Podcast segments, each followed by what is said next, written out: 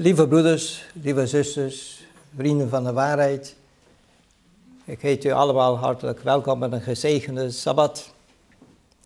Deze ochtend willen wij steeds meer ons verdiepen in het woord, maar ook om te weten wat is waar. De meeste mensen kennen hun Bijbel. Dat is een deel, dat is heel belangrijk. De een is mee opgegroeid en de ander die is weer daarvan afgeweken. Maar heel belangrijk is namelijk dat er is een motto in de Bijbel. En Jezus zegt zo ook in de inleidingstekst van mij deze ochtend, Johannes 8, vers 36, indien dan de Zoon u vrij gemaakt zal hebben. Hoe belangrijk is het dat wij beseffen dat de waarheid is het die ons vrij maakt. Er is geen afkomst, er is geen cultuur, er is geen land, geen kerk, maar de Bijbel leert ons dat de waarheid is het die u vrij maakt. En dit willen we vanmorgen daarbij stilstaan met wie wij hebben te maken. In dit hoofdtitel zal enkele serie van deze onderwerpen nog volgen over de waarheid maak je vrij. Heel belangrijk is het om te beginnen bij het begin. En dat betekent ook dat wij leren begrijpen wie God is, wat God is en hoe zit Hij min of meer in elkaar. Hoe staat het met God? Wat ik u duidelijk vanmorgen wil zeggen is, onze eerste besef is namelijk, ben ik werkelijk overtuigd dat God is heilig, dat God is rechtvaardig, dat God is goed? Want dit is ook de uitdrukking van zijn karakter. Dit betekent dan ook, alles wat hij doet is volmaakt, is perfect en, rustig gezegd, is heilig. Dit betekent dat hij zich niet heeft vergist. Of God kan zich niet vergissen. En dit betekent ook dat God kan niet liegen. Vandaar dat Jezus benadrukt dat de waarheid maakt je vrij. Laten wij beginnen bij het begin. Namelijk in het Bijbelboek Genesis. Genesis betekent wording, ontstaan, ja. En hier juist als eerste Bijbeltekst in de Genesis het wordt duidelijk bekendgemaakt dat in het begin schiep God de hemel en de aarde. Dan kunnen we ons vragen, ja, maar wie is God? Maar hier, de grondtekst is namelijk Elohim schiep de hemel en de aarde. Dus een meervoud van goden. Hoe kom ik daarbij? Hoe kunnen wij dit met de Bijbel laten zien? We hoeven niet ver te gaan, we gaan naar de volgende Bijbelvers namelijk vers 2 van Genesis 1. En hier wordt ons bekendgemaakt de toestand van de aarde. Hoe was het in het begin? En dan zegt hier dat de aarde nu was woest en ledig. En duisternis lag over de watervloed. Ook hier, als wij teruggrijpen naar de bron, dan is er iets, een informatie dat zo belangrijk is voor ons als gelovigen, maar ook voor ons die naar de waarheid smachten, die verlangen van wat is waar. Mijn geliefden, in het tweede deel van deze vers 2 zegt het ook, en de geest van God zweefde boven het water. Wat wil dat nu zeggen? Ook hier is een grondtekst daarvan. En hij zegt dat Gods geest broedde op het water. Dat zet ons tot nadenken. En we niet ver te gaan. Laten wij in ons dagelijks leven. Min of meer hebben wij daaraan gewerkt en gezien hoe dat gaat. Dat een kip die een ei heeft, er zit geen voortgang van leven in. Maar wanneer pas kan er leven inkomen? Als de kip erop gaat liggen. En dat is wat wij kennen als broeden.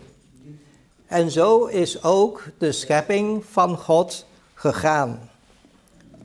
God schiep alles, maar er was geen leven in.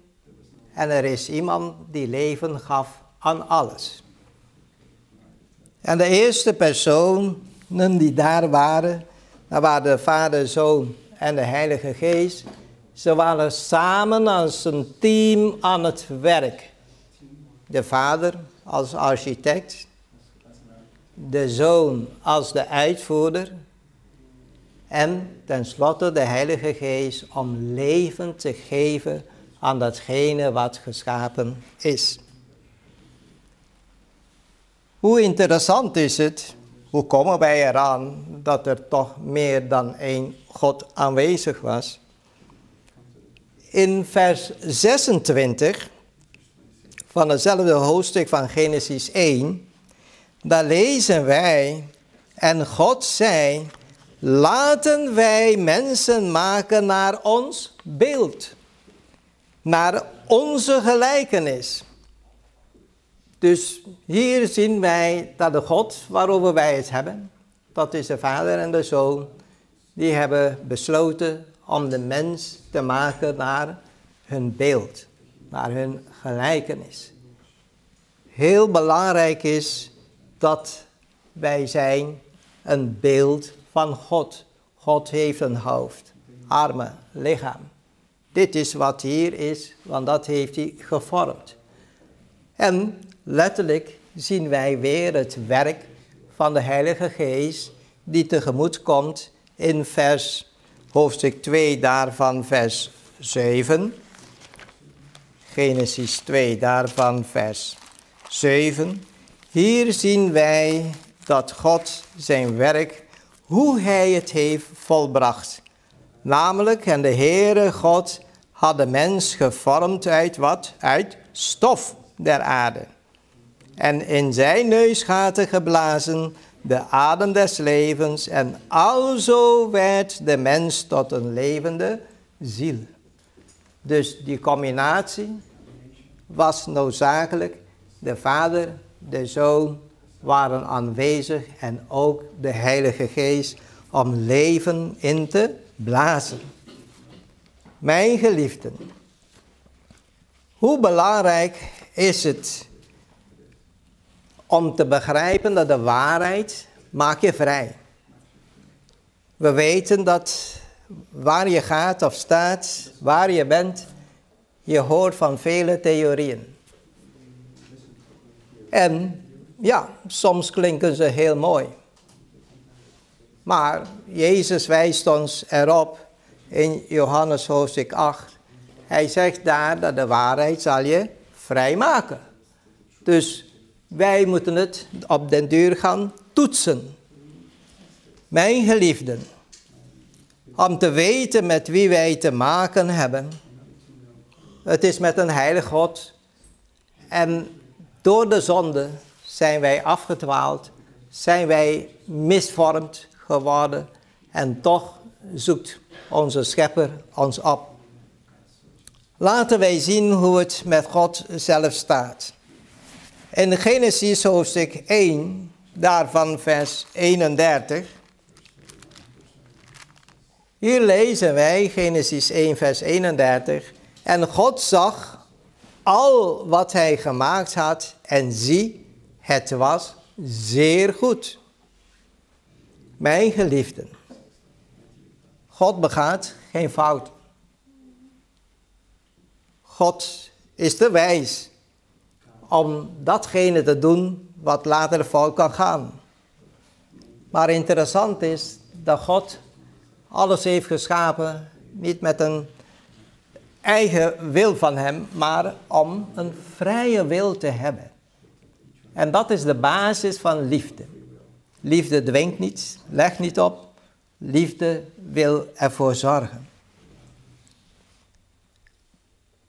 En de kroon op de schepping, nadat God de mens heeft gemaakt, geschapen, dan zien wij hier dat God een heel bijzonder iets heeft bekendgemaakt. En dat is in Genesis 2, daarvan de versen 1 tot en met 3.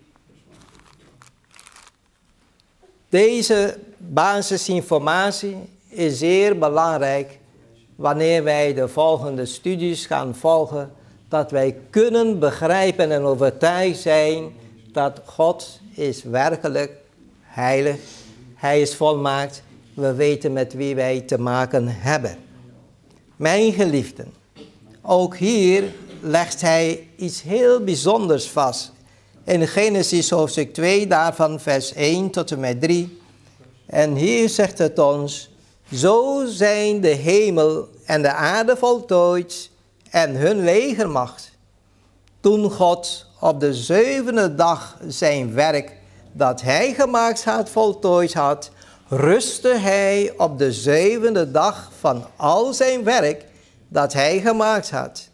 En God zegende de zevende dag en heiligde die, want daarop rustte hij van al zijn werk dat God schiep door te volmaken. Mijn geliefden, interessant. Nu is de ketting compleet. Nu is de zevende dagen volbracht. Niet door te scheppen, maar juist door de laatste dag heeft God gerust. Was God vermoeid? Helemaal niet. Maar hij sprak, hij gebied en dan stond er. Mijn geliefden. Maar dan moet je je voorstellen dat Adam en Eva, die zijn er pas. En die willen toch weten, wat moet ik met die zevende dag doen? Daarom heeft God gerust tot een voorbeeld ook voor hun. Het is een rustdag. Het is niet een dag om te luieren, maar juist een dag om tot bezinning te komen. Ik ben alle dagen bezig en dan komt er een dag in ons leven, zoals de zaterdag, de Sabbat, waar wij werkelijk tot rust kunnen komen. Dat wij rust in ons hoofd hebben.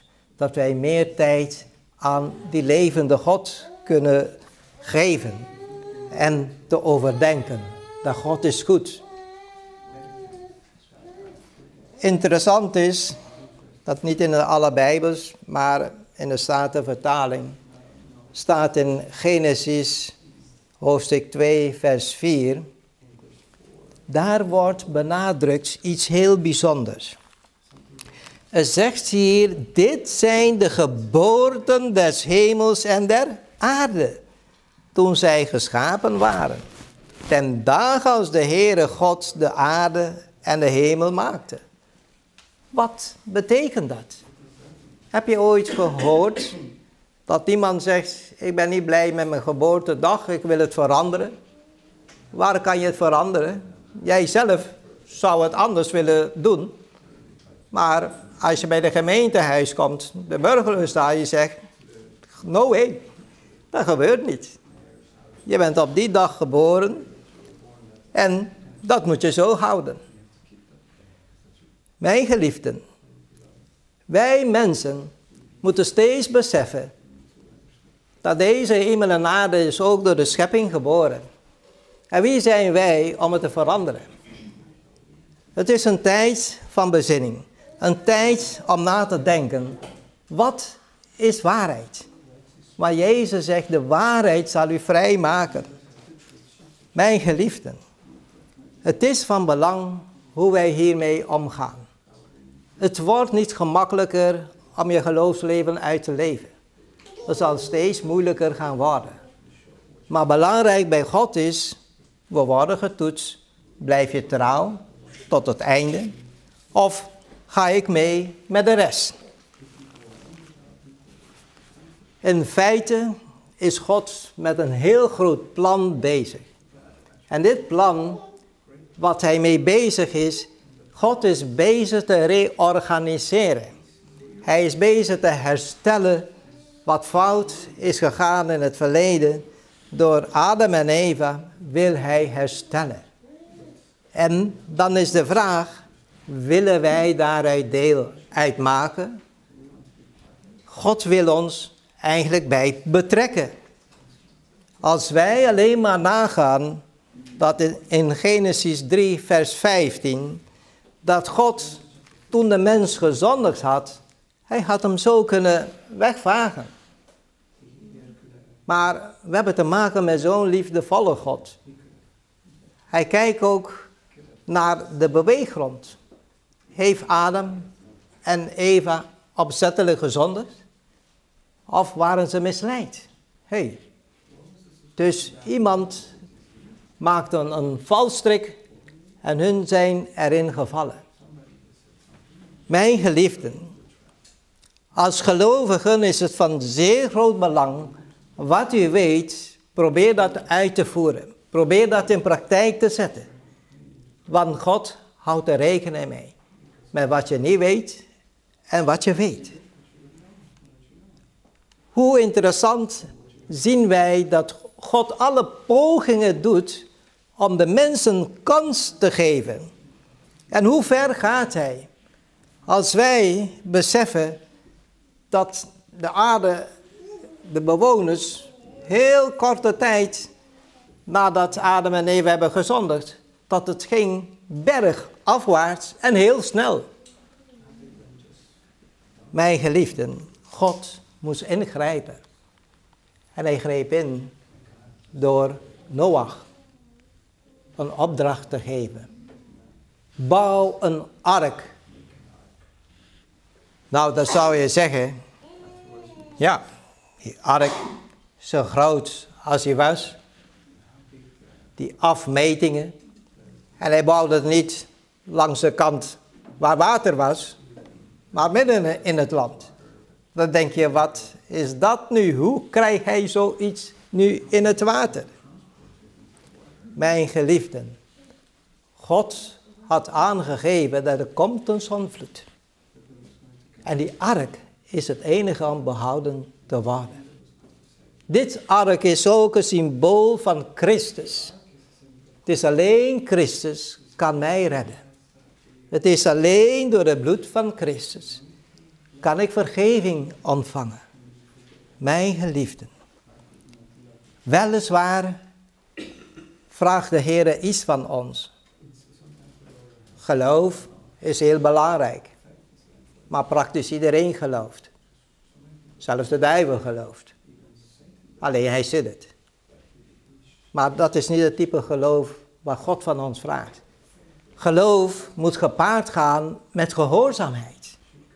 En dan krijgt geloof een boost. Dat je dingen kan doen en verzetten en overwinnen. Dan denk je, oh, God is almachtig.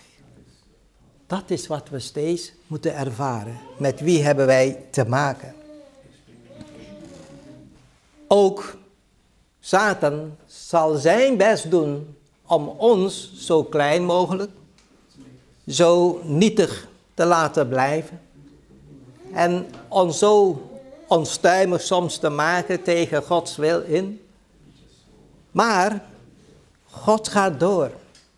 Zelfs toen zijn volk, de Israëlieten, als slaven werden in Egypte, onderschat het niet, 400 jaar dat ze daar in slavernij waren, heeft God Mozes gestuurd tot Farao en zegt, laat mijn volk gaan. Dus met andere woorden, het is nu genoeg. Mijn geliefden, hoe belangrijk is het? We lezen het. Misschien hebben we films nog over gezien. Hoe wonderbaarlijk al die tien plagen over Egypte kwam. En uiteindelijk liet Farao het volk vertrekken. Maar niet uit zijn hart. Want later probeerde hij ze weer te achtervolgen. Maar God zette een streep daarvoor en zegt tot hier en niet verder. Mijn geliefden, als God een werk met u is begonnen, dat betekent dat Hij is bereid om het ook te volbrengen. Daarom zegt ook de apostel Paulus ook in de Hebreeuwse brief hoofdstuk 12, zegt hij, dat Jezus is de overste leidsman. Hij is de voleinder van ons geloof. Dus mijn geliefden in de Heer, het is tijd om wakker te worden. Tijd om juiste keuzes te maken. Tijd om op te staan voor die God die u al die tijd heeft gezegend. Die u al die tijd heeft beschermd. Die u al die tijd heeft verzorgd dat u zo ver bent gekomen. Het is tijd om op te staan en te scharen achter deze levende God, zodat Hij zijn werk kan volbrengen in deze wereld. Het is de tijd dat de waarheid moet verkondigd worden. En aan de hand van Colossensen hoofdstuk 2, Colossensen hoofdstuk 2, daarvan vanaf vers 14 af, daar lezen wij het volgende. Colossensen hoofdstuk 2 vanaf vers 14 af. Hij zegt hier dat Christus heeft dan uitgewist, hebben het handschrift dat tegen ons was, in inzettingen bestaande, terwijl zeg ik, enige wijze was tegen ons. Namelijk, dat heeft Christus uit het midden weggenomen en dat is datgene wat hij aan het kruis heeft genageld. Mijn geliefden. Hoe belangrijk is deze informatie voor u en mij? Het is een informatie om aan te geven dat de wet die God heeft ingesteld, daar in het paradijs, direct bij de schepping, dat het is niet veranderd. Hij heeft gegeven zes dagen om te werken, zoals het uitvoerig wordt verklaard in Exodus 20, daarvan de versen 8 tot met 11. Daar wordt bekendgemaakt wat is de bedoeling van de Sabbat. De Sabbat heeft God geheiligd. Hij heeft het gezegend. Hij heeft zijn naam erop gelegd. En dat betekent, het is van hem, zijn eigendom. En hij vraagt alleen maar iets. Geloof en vertrouwen. Mijn geliefden, het is tijd om de waarheid te volgen. Om naar de waarheid te vragen. Vandaar dat het is van heel groot belang, wanneer wij het een en ander niet begrijpen, dat wij het ook kunnen vragen. Waarom dit? Waarom dat? En juist aan de hand van de Bijbelstudies, die menig een van ons hebben ook in ons leven gestudeerd, dat wij tot die kennis zijn gekomen en overtuigd zijn dat wij dienen de levende God. En dat wij weten dat zijn wet is eeuwig.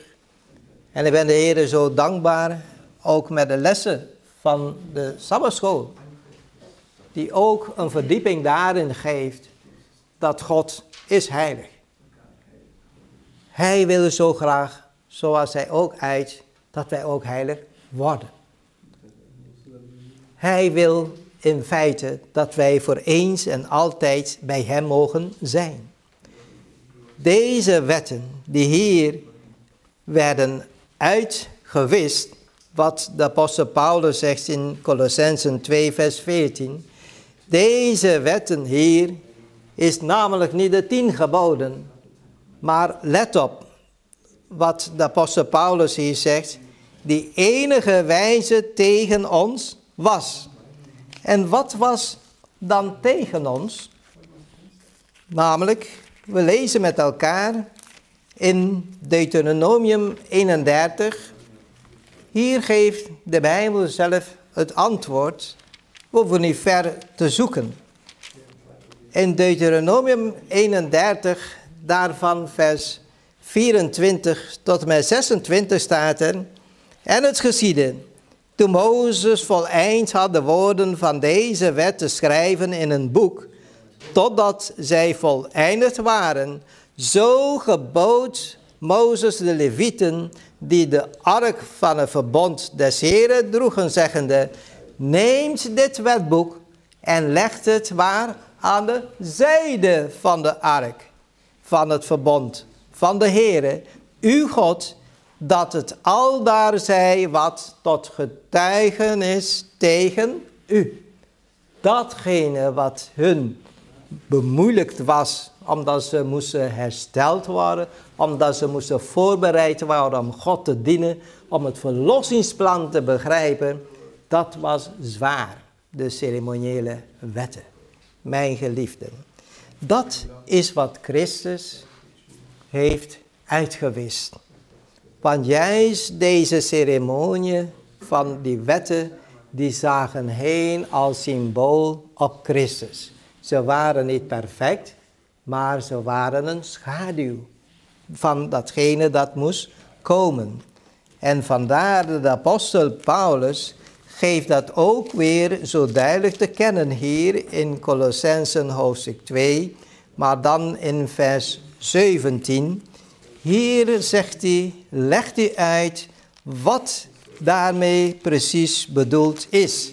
En dan lezen wij in Colossensen 2, vers 17, welke zijn wat een schaduw der toekomende dingen, maar het lichaam is van Christus. Zo zien wij dat het is van belang dat wij steeds naar de waarheid zoeken, naar de waarheid verlangen, naar de zuiverheid verlangen, want God is heilig. God is rechtvaardig en de volgende keer zullen wij nog verder gaan om te zien dat de wet is ook even heilig, rechtvaardig en goed. Mogen de Heer ons helpen dat wij mogen streven en verlangen naar meer van Hem, meer van Zijn geest, zodat wij ook voorbereid worden voor de spade regen en voor de afsluiting van Gods werk hier op aarde. God zegen u daarbij, is ook mijn wens. Amen. Amen.